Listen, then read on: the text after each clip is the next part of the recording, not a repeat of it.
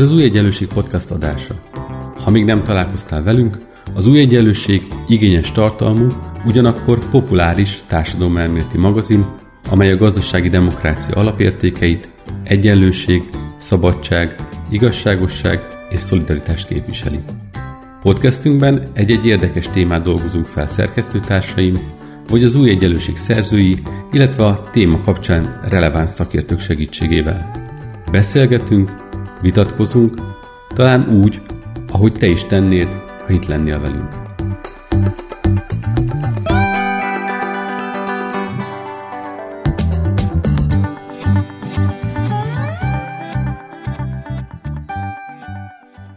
Üdvözlöm a hallgatókat, Bíró Nagy András vagyok, az Új Egyenlőség podcastjának szerkesztője, és mai adásunkban a mi hazánkkal fogunk foglalkozni. Körbejárjuk azt, hogy miként lehet értékelni a párt közelmúltját, miként látjuk esetleg azt, hogy milyen potenciál van a pártban, milyen stratégiát folytatnak, és így tovább.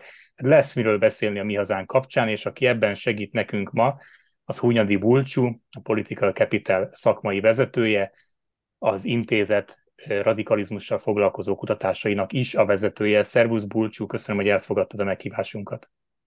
Szervusz, és nagyon-nagyon szépen köszönöm a megtisztelő meghívást. Ahogy említettem, itt a felvezetésben a mi hazánk lesz ma a téma, de mielőtt elmerülnénk a, a aktualitásokban, vagy a jövőre való kitekintésben, menjünk azért vissza oda, hogy itt egy a parlamentben nem régen bejutott pártról van szó, miként lehet értékelni akár a párt bejutását, akár az azóta eltelt időszakot, mennyire sikeres ez az időszak a mi hazánk szempontjából.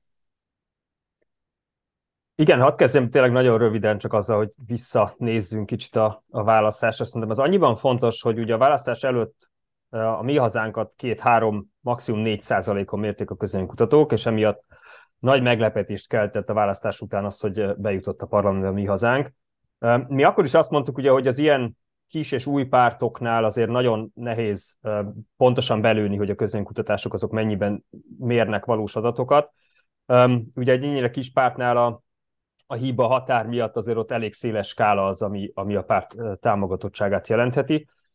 És a választások előtti politikai társadalmi folyamatok is szerintem arra követ, a, a, a, ezekből is arra lehetett következtetni, hogy, hogy a mi hazánknak azért van akkora bázis, ami berepíti az országgyűlésbe.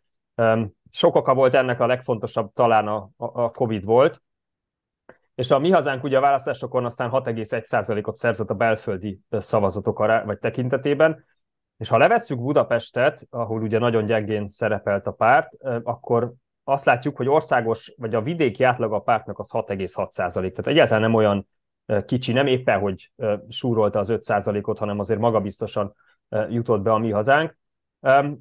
És a választás után ezt a figyelmet meglovagolva ilyen érdekes, vagy tabu döntögető, akár megbotránkoztathatónak is nevezető, nevezhető kezdeményezésekkel állt elő a párt, pont azért, hogy meglovagolják ezt a, ezt a figyelem hullámot, például Novák elődöt jelölték a Nemzetbiztonsági Bizottság élére, és szerintem ilyenek miatt volt az, hogy a választást követő egy-két hónapban 9%-ot is mértek a mi hazánknak a teljes népességen belül, tehát úgy nézett ki, hogy egy hatalmas előre menetelésnek vagyunk a, a kezdetén, és úgy, olyan szalagcímek is voltak, hogy a mi hazánk a legerősebb ellenzéki párt. Aztán azt láttuk, hogy ez valahogy megtorpant, és beállt a mi hazánk támogatottsága. A különböző intézetek különböző adatokat mérnek. Szerintem azt lehet mondani átlagban, hogy mondjuk a teljes népességben olyan 6-7 százalék körül van a párt, a biztos szavazó pártválasztók között pedig, pedig 8-9 százalékon. Ami igazából szerintem azt jelenti, hogy nem volt olyan sikeres a párt számára az elmúlt fél, három év, vagy most már közel, közel egy év, mint amilyen lehetett volna. Ugye egy olyan időszakot élünk meg, amikor nagyon nagy a bizonytalanság, a háború, az infláció, az energiaárak miatt nagyon sokan küzdenek megélhetési nehézségekkel. Ezek ugye alapvetően egy olyan időszak, azt szoktuk mondani, vagy azt szokták mondani, ami kedvező a, a, a szélsőséges pártoknak, a protestpártoknak, amelyek ki akarják használni ezeket a félelmeket. Ebből következően, ha azt látjuk, hogy a mi hazánk támogatottsága beállt egy ilyen stabil szintre, akkor, akkor szerintem azt mondható el, hogy nem, nem lett olyan sikeres a párt. Beszéljünk egy kicsit arról, hogyha már itt a bejutás és a környéke is szóba került az elején, hogy azért nagyon sokak szerint az oltás ellenes kampányuk erősen hozzájárult ahhoz, hogy bejutottak, tehát a COVID és a lezárások elleni tiltakozás, oltás ellenesség nagyon erősen ott voltak. Nyilván ez a téma most már nem nagyon van magyar közéletben, úgyhogy beszéljünk egy kicsit arról, hogy mi vette át a mi hazánk politikájában az oltás ellenességnek a helyét. Tehát mi most a, mik most a fő üzenetek, mik most a fő témák, amivel próbálják felhívni magukra a figyelmet? Én azt mondanám, hogy négy-öt fókusz témája van a pártnak, amikre felhúzza az üzeneteit, vagy amikben jellemzően megjelenik a nyilvánosság előtt. Az egyik legfontosabb talán az egy, az a, egy ilyen eléggé baloldali irányultságú szociális program, vagy szociális témák.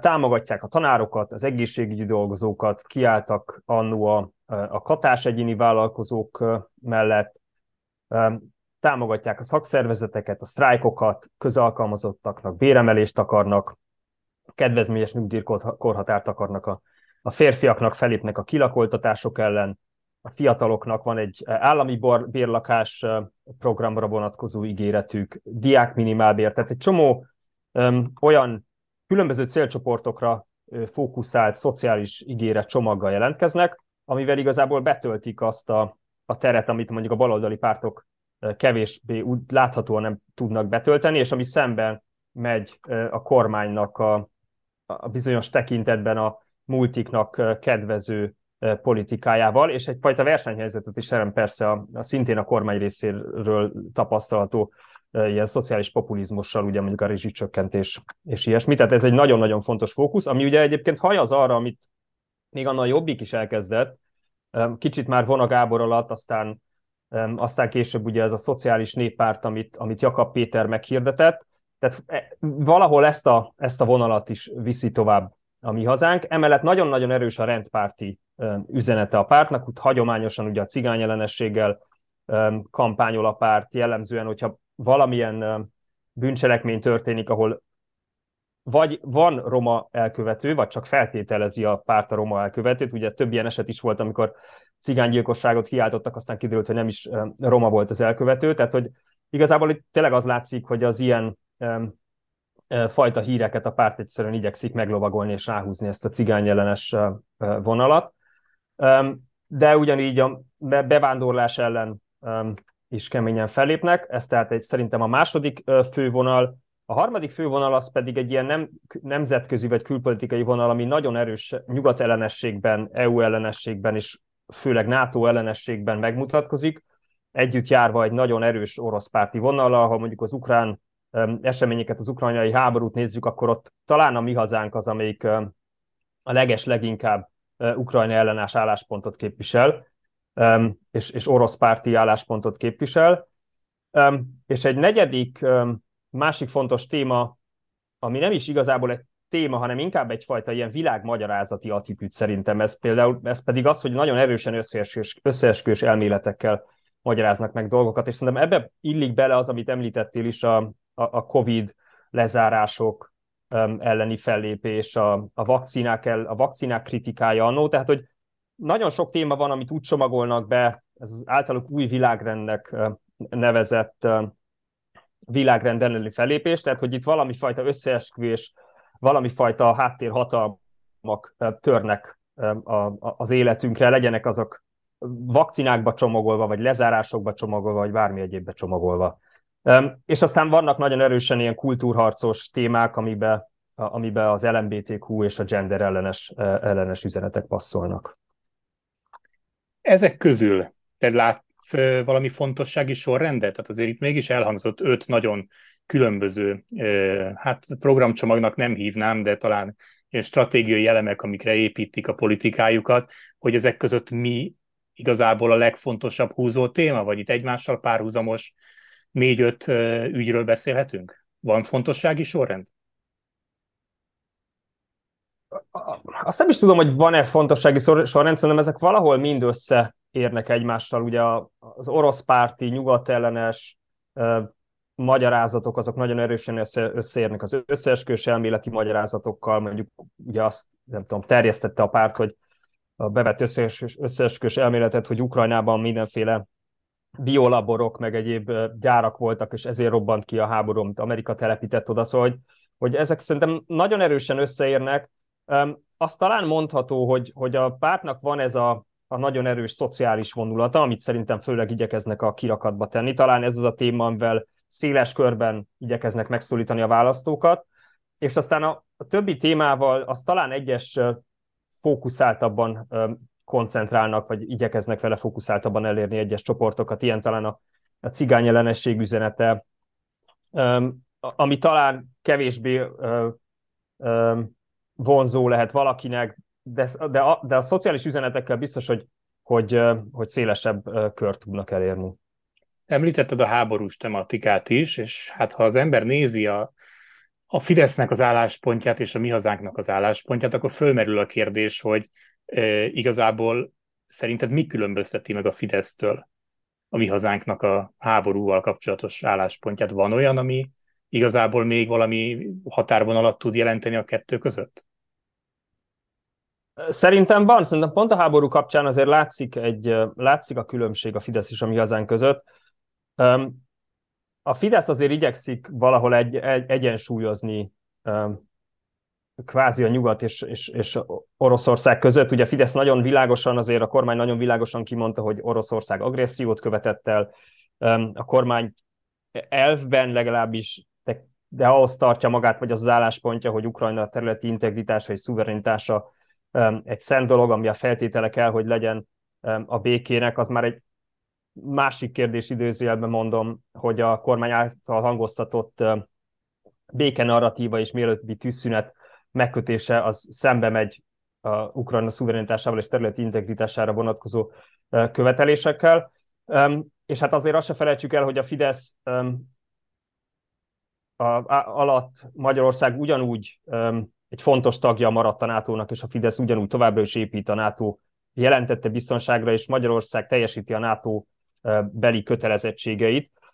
Ezzel szemben a mi hazánk teljesen NATO ellenes, ellene van annak, hogy Magyarországon külföldi katonák, amerikai katonák állomásozzanak, ellene van annak, hogy bármilyen külföldi haderő vagy hadanyag mozogjon Magyarországon. Ugyebár Magyarország nem szállít közvetlenül fegyvert Ukrajnának, de azért a területén mentek át szállítások NATO országok között, aminek aztán a végpontja valahol Ukrajna volt. Szóval azért, azért van különbség a háború retorikában a Fidesz és a mi hazánk között. Jövőre lesz két választás, egy, ráadásul egy azon a napon, európai parlamenti választás, önkormányzati választás. Szerinted, ha egy kicsit spekulálunk azon, hogy melyik fekszik jobban a mi hazánknak azon a napon a két választás közül, akkor egyébként milyen kép rajzolódik ki? Tehát mennyire fekszik a, az európai parlamenti választás, tehát egy tisztán listás, arányos választás a mi hazánknak, és mennyire fekszik az, hogy ugyanazon a napon pedig meg kéne hát méreckednie magát a, a, a pártnak, sok-sok településen polgármester jelölteket kéne állítani. Itt rögtön beszélhetünk arról, hogy mennyire lehet nekik kiterjedt hálózatuk ahhoz, hogy fedjék az országos kihívást ennek megfelelően, tehát hogy akár több száz településen legyenek önkormányzati képviselőjelöltjeik és polgármester jelöltjeik. Szóval hogy látod ezt a nagy választási kihívást, melyik fekszik igazából jobban a mi hazánknak? Szerintem az EP választás mindenképpen fekszik a mi hazánknak. Ugye a, a mi hazánk stratégiája a parlamenti választáson is az volt, hogy kvázi harmadik erőként próbálta magát eladni a, a, a Fidesz és a, az akkor egységesen fellépő ellenzéki pártok között. Valószínűsíthető, hogy az EP választáson egyes baloldali liberális ellenzéki pártok önállóan fognak indulni. Én azt gondolom, hogy a mi hazánknak ezen a választáson is van keresni valója, tehát ki tudja játszani ezt az üzenetet, hogy ő se nem, se nem Orbán, se nem Gyurcsány, se nem Momentum, se nem Fidesz mondjuk. Szóval, hogy én azt gondolom, hogy a, a mi hazánk mai 6-7, az ott esetben 8%-os támogatottsága az, az elég arra, hogy vagy elég lehet arra, hogy, hogy szerezzenek mondjuk egy helyet az Európai Parlamentben. És szerintem a mi hazánkot el fogja játszani a szokásos narratívát, hogy nagyon erősen EU-kritikus, EU-ellenes pártként fogja azt mondani, hogy nekünk ott kell lennünk az Európai Parlamentben hogy megváltoztassuk az Európai Parlamentet, hogy biztosítsuk azt, hogy Magyarország nem fekszik az Európai Parlament vagy az Európai Unió alá, és mi leszünk, a, mi leszünk kvázi a, a védőbástya az EU befolyása ellen. De szerintem ugyanúgy fontos lesz nekik a, a, az önkormányzati választás is. Én azt gondolom, hogy itt alapvetően egy ilyen lassabb építkezés lesz a mi hazánk célja.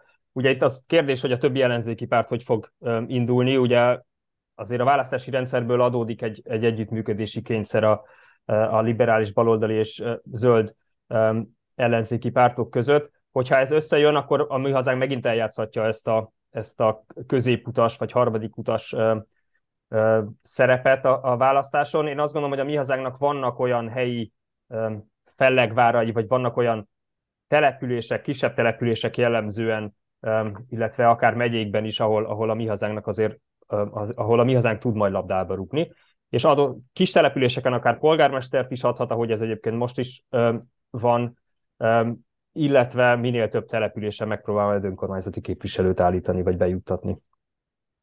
Arról egyébként a, van bármilyen információnk, hogy a mi hazánk hálózata az nagyjából milyen lefedettségű az országban, vagy hogy mennyi tagjuk van, hány helyen le, lehetnek ők egyáltalán versenyben nagyjából? Az ország mekkora részén állíthatnak ők jelölteket? A pártagságra vonatkozó információim nekem nincsenek. Azért az látható, hogy a mi hazánk országosan aktív párt. Annó figyeltük a, a, a párt kampányát az országgyűlési választás előtt, ott is az látszott, hogy vidéken is azért egy aktív kampányjelenséget folytatnak. Hogyha megnézzük a, a Magyarország térképét, ahogy hol érte el a legjobb eredményét a mi hazánk, akkor azt lehet látni, hogy a, a Budapestet és Pest megyét keletről körülölelő karéban, tehát hogy északról egészen déli határokig vannak, vannak, vannak azok a megyék, ahol a legerősebb támogatottsága van mi hazánknak.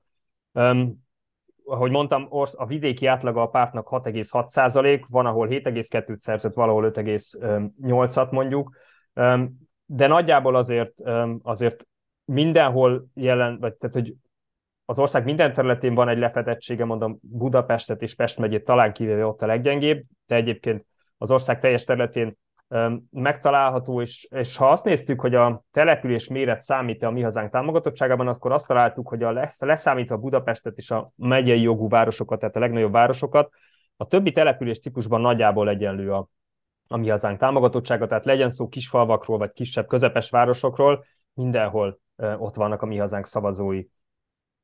Még egy kicsit arról, hogy kik a mi hazánk szavazói, tehát földrajzi értelemben most beszéltünk róla, mennyire vannak, állnak rendelkezésre kutatások arról, hogy demográfiai összetételét tekintve milyen szavazótábora van. Tehát mennyire akár a alacsonyabb vagy a magasabb képzettségűek, mennyire az alacsonyabb jövedelmiek, mennyire a magasabb jövedelmiek, tudsz esetleg ilyesmi részletekről nekünk beszámolni?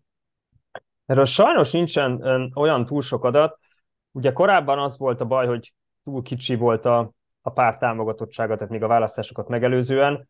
Tehát akkor azt lehetett csinálni, és ezt a 21 kutatóközpont is megcsinálta, és, és mi a Political Capitalnél is megcsináltuk, hogy több havi közönkutatás adatait összevonva egy agregált mintából próbáltunk következtetéseket levonni, és mind a kettőnk, tehát a 21 kutatóközpont és a, és a mi elemzésünkből is valahogy az derült ki, hogy egyébként demográfiailag nem annyira megfoghatók a mi hazánk szavazói. Ami biztosan mondható az az, hogy többségükben, vagy inkább férfiakról van szó, tehát mondjuk 57 ban vannak, vagy voltak akkor a, a 21 kutatóközpont adatai 20, 2021 végéről származnak, a, amit mi csináltunk, az 2021 különböző hónapjából voltak az adatok, tehát hogy, hogy inkább férfiak a szavazóik, a, a 21 kutatóközpont adatai szerint inkább középkorúak, tehát ilyen 40-49 év körüliek vannak felülreprezentálva, ugye nem, egy nem régi, szerintem talán a januári medián mutatta ki azt, hogy a fiatalok körében, tehát a 40 év alattiak körében a mi hazánk a,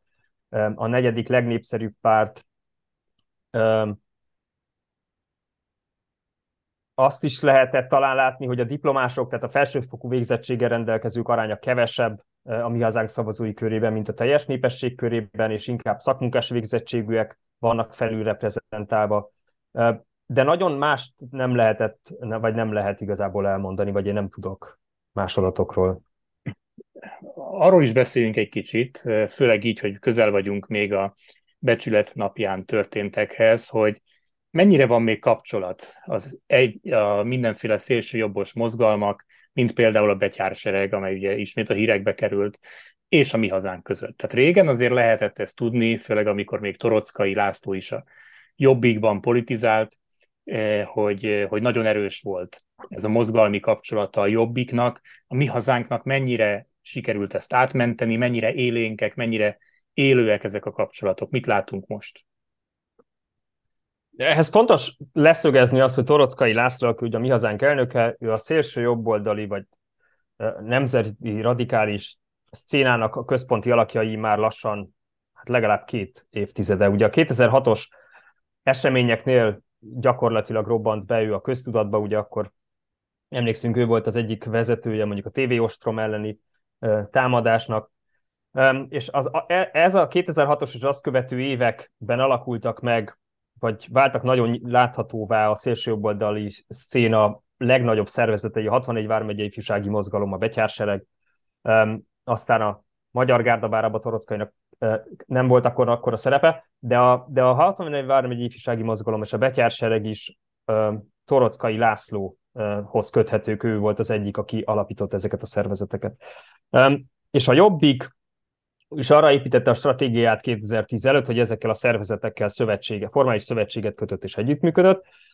Aztán ez a szövetség ez megbomlott, és az együttműködés megromlott, amikor a Jobbik ugye elkezdte ezt a középre húzódó irányváltását, és amikor a 2018-ban a Mi Hazánk kivált a Jobbikból, akkor visszatért ehhez a régi Jobbikos stratégiához, tehát felújította az együttműködését ezekkel a szélsőboldali szervezetekkel. Ezek a szélsőboldali szervezetek a kampányban is egyébként egy fontos fontos szerepet játszottak, közös, közös eseményeket szerveztek, volt az, hogy nem tudom, mi hazánk és betyársereg közösen kvázi járulőzött a magyarországi vonatokon, tehát jellemzően a rendpárti, a cigány ellenes retorikában kapnak szerepet ezek a, ezek a szervezetek, és ma is élő a kapcsolat ezekkel a szervezetekkel. És milyen a viszony szerinted most a Fidesz és a mi hazánk között? Szerintem azért érdekes erről a érdemes erről a témáról is egy kicsit beszélni, mert mintha nem tartana úgy a mi hazánktól a Fidesz, mint régen a Jobbiktól. Nekem ez a általános benyomásom, hogy míg régen azért egy, eh, akár mondjuk tíz évvel ezelőtt is még, a Fidesz úgy tekintett a Jobbikra, mint egy nagy veszély, amelynek a témáit el kell lopni, amely, amelyel szemben aztán mindenféle adminisztratív eszközökkel is fellépett, ez már egy későbbi 2018-as választások előtti időszak, tehát végül is úgy volt kezelve a Jobbik, mint egy nagyon komoly jobbról érkező veszély, amivel a Fidesznek számolnia kell, és ami ellen harcolni kell. Ezzel ellentétben én azt látom, hogy mintha nem ez lenne a mi hazánk esetében, hanem mintha hagyná növekedni, sőt, mivel még a médiában is elég sok teret, a közmédiában elég sok teret kapott a mi hazánk, amikor elindultak, még akár azt is lehet mondani, hogy még segítették is, hogy kinőjön a földből egy ilyen új párt, és nem is nagyon támadják most sem a mi hazánkot a kormányzati propagandában. Hogy látod a Fidesz viszonyát ennek fényében? Mivel magyarázható? Jól látom-e egyrészt, hogy ez a helyzet? Másrészt miért, ha igen, akkor miért kezeli másként a Fidesz a mi hazánkot, mint a Jobbikot? Igen, itt megint, ahogy te is hogy na, a te kérdésen is, kérdésedben is volt érdemes egy kicsit ilyen történelmi visszatekintéssel kezdeni. Az nagyon fontos mondom, amit mondtál, hogy amikor a mi hazánk elindult 2018-ban és azután a 2019-es EP választás előtt, akkor azt láttuk a kampányban, azt a kampányt is monitoroztuk, és azt lehetett látni, hogy a, a Fidesz közeli, vagy a Fidesz által irányított médiában a mi hazánk kitüntetett szerepet kap. Tehát teljesen semmilyen más ellenzéki pártal kapcsolatban nem volt elképzelhető az, hogy olyan média figyelmet kapjon a Fidesz közeli, Fidesz által irányított sajtóban, mint ahogy a mi hazánk tette. Amikor mondjuk Torockai László országos körútat csinált, és megjelent egyes városokban, és ott bemutatta a programját, fórumot tartott, akkor ott helyi tévék, ugye jellemzően ezek a helyi Fideszes önkormányzathoz kapcsolódó és általa fenntartott és általa irányított televíziók, azok eminensen riportot csináltak, Torockai Lászlóval behívták a stúdióba, semmilyen más ellenzéki pártnál ez természetesen nem történt meg. Aztán ez a LP választás után az önkormányzati vagy a, a, a parlamenti választás felé közeledve ez, ez, ez már nem volt tapasztalató, tehát azért visszaesett ez a fajta kvázi támogatás, de az biztos, hogy a, a kezdetekben az elmondható, hogy a, hogy a Fidesz egyfajta támogatást biztosította a mi hazánk számára az, hogy megismertesse magát, hogy bemutassa üzeneteit. És az, és az országgyűlési választás előtt a mi hazánk részéről pedig azt lehetett látni, hogy többet foglalkoztak az ellen, a többi ellenzéki párttal, mint a kormányjal, tehát hogy inkább tűntek a, a kvázi a rendszer ellenzékének, vagy bocsánat, inkább tűntek az ellenzék ellenzékének, mint a rendszer ellenzékének. A választás után, mióta bekerültek a parlamentbe, azóta változott ez a dolog. Most nem nagyon foglalkoznak az ellenzékkel, alapvetően a fidesz szemben definiálják magukat, azt is mondják, hogy ők maguk az igazi ellenzék, és ezért nem foglalkoznak a, a többi ellenzéki párttal, de hogy most mintha kicsit változott volna a szerep, viszont az igaz, hogy a Fidesz továbbra sem, vagy most nem foglalkozik a, a, a mi hazánkkal. Ugye szerintem egy nagyon jó példa, amikor a, a Fidesz elkezdte az oltás ellenes ellenzék kampányát. Um, oltás ellenes ellenzéknek azokat a baloldali liberális zöld pártokat bélyegezte, akik soha egy szóval nem szólaltak fel az oltások ellen, sőt inkább az oltások beindítását, vagy, vagy az oltási program magasabbba kapcsolását forszírozták, és egyetlen pártot nem minősített a Fidesz oltás ellenesnek, a mi hazánkot, amelyik viszont tényleg oltás ellenes volt, vagy ha kicsit finomabban akarjuk mondani, akkor oltás kritikus volt, de hogy minden esetre tényleg ők voltak az egyetlen párt, akik kritikusan álltak az oltásokhoz. Na őt, a, a mi hazánkot a Fidesz soha nem illette ilyen jelzővel. És még egy érdekes dolog volt szerintem a közelmúltból, amikor ugye néhány héttel, most már lassan egy hónappal ezelőtt a, a Karmelita Kolostorban a miniszterelnök tartott egy kis beszélgetést a, a, a kvázi a Fideszhez barátian, vagy kevésbé kritikusan viszonyuló külföldi újságírókkal, akkor ugye volt az a híres mondat, ami ugye nagy utat járt utána be a nyilvánosságban, hogy mi szerint szerinte, vagy ő jobban örülne, hogyha Magyarország nem lenne az EU tagja, de ez Magyarország érdeket, ezzel nem akar változtatni. És egy párt van a mai, ma a Magyarország gyűlésben, amelyik viszont nagyon régóta követeli az EU kilépést, ez pedig a mi hazánk, és a mi hazánk érdekes módon semmit nem reagált um, erre a miniszterelnöki megszólalásra, ami tényleg nagyon érdekes, mert a mi hazánk um, akár az, e, a történelméből, meg az egyéb üzeneteiből adódóan gondolhatnánk azt, hogy ez számára egy ilyen magas labda, amit le kell csapni, de nem történt semmi. Zárásként még arra térjünk ki egy kicsit, hogy itt vagyunk egy válság kellős közepén. Ez egy gazdasági válság is, nyilván háború is van a szomszédban, energiaválság is van, megélhetési válság is nagyon sokakat érint. Mennyi potenciál van most a mi hazánkban a tekintetben, hogy, hogy növekedni tudjon a következő időszakban, vagy kinek kedvez ez az időszak, hogyha még a mi hazánknak sem? Tehát igazából úgy merül fel a kérdés, hogy hogy eh, itt a választások óta, eh, hát eh, ahogy említetted, volt az elején egy kis növekedése a mi hazánknak, de utána azért beállt stabilan egy szintre, amiről nem indult el fölfelé. A, a, a Fidesztől balra lévő ellenzékben szintén nem látunk érdemi növekedés, táboron belüli újraosztozkodás van, a DK próbál minél nagyobb falatot kiharapni, de összességében, mintha ez a baloldali liberális zöld tábor sem lenne nagyobb, mint korábban. Tehát te mit látsz, hogy ez a válsághelyzet, ez megingathatja-e a Fideszt, tud-e ebből esetleg a mi hazánk profitálni, vagy, vagy, vagy gyakorlatilag befagynak a dolgok úgy, mint ahogy ezt most látjuk?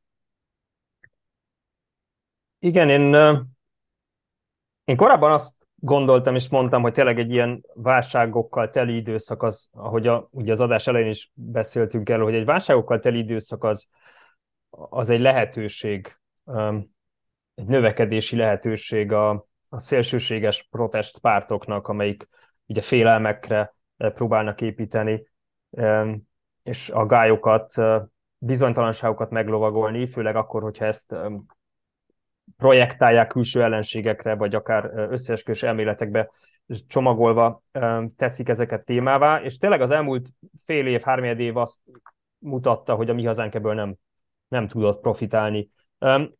én most azt gondolom, hogy, hogy valószínűleg ez így fog folytatódni. Tehát én azt gondolom, hogy a mi hazánk, és ez kicsit kapcsolódik az előző kérdésedhez is, és teljesen egyetértek azzal, hogy én most nem látom azt, hogy a mi hazánkból egy jobbik kettő lesz olyan értelemben, hogy az, hogy az effektív, valós veszélyt jelentene a, a Fidesz számára jobb oldalról, és szerintem egyébként ez, ez is a magyarázat arra, hogy a Fidesz sem kezeli olyan komolyan a mi hazánk jelenséget, mint a jobbik jelenséget kezelte annó. Tehát vagy nem foglalkozik a mi hazánkkal, vagy, vagy reagálnak értelemszerűen rá a, mondjuk a parlamentben a felszólásokra, de, de különösebb fejfájás szerintem a mi hazánkban nem okoz a, nem okoz a Fidesznek. A fő magyarázatként én azt gondolom, vagy számomra tényleg a, a választás egyik fontos tanulsága az volt, hogy a, hogy a Fidesz annyira dominálja ma már a, a közbeszédet, a, a közgondolkodást, aminek ugye az egyik oldala az a médiahelyzet, de ez nem csak a médiahelyzetről szól, hanem ez a teljes szerintem információs térről szól. Tehát annyira dominálja a Fidesz ezt az információs teret,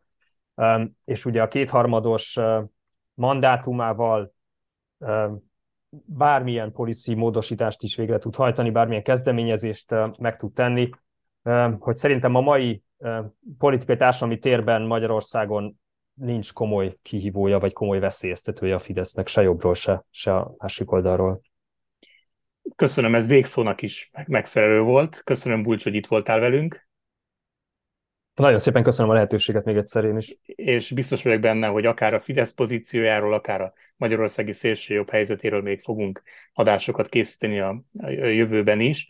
E, szeretném a hallgatóknak is megköszönni, hogy itt voltak velünk e, ezúttal is, és ahogy mondani szoktam, következő hetekben és hónapokban is hasonlóan izgalmas témákkal folytatjuk a viszonthallásra.